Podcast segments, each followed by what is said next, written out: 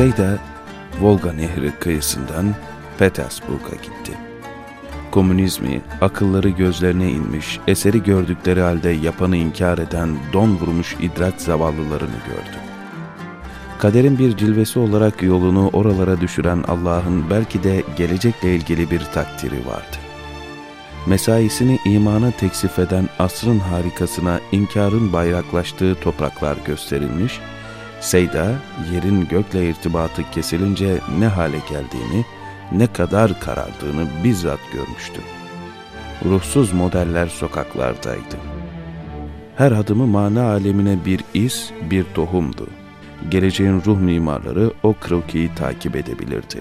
Petersburg'da güneşin batışıyla doğuşunun peşi peşine yaşandığı, beyaz gecelerin başladığı o günlerde ışığa gem vurmuş ilerliyordu.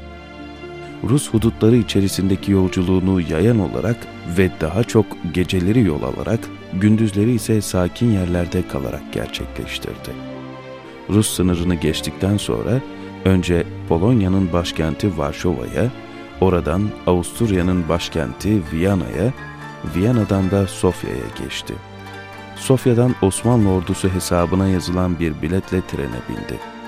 İstanbul'a ulaştığında yaklaşık 5500 kilometrelik bir yolu aşmış ve firarının üzerinden de 3 ay geçmişti. Kalabalık bir topluluk garda yakınlarını bekliyordu. Trende Seyda'nın da olduğu kulaktan kulağa yayılmış insanlar bir yönüyle alim, bir yönüyle abid, bir yönüyle komutan, bir yönüyle sosyolog olan bu müstesna adamı görmeyi arzu ediyordu. Bakışlar onu arıyor, diller onu soruyordu. Herkesi akrabaları, Seyda'yı dostları karşıladı. Etrafında küçük bir izdiham oldu. Yine bir mıknatıs gibi kolları ve bakışları kendisine çekti. Dostlarına ve İstanbul'a kavuşmanın sürurunu yaşadı. Şükretti Rabbine. Vatanına ait olan ufak şeye aşıkane bağlıydı. Her karış toprağına.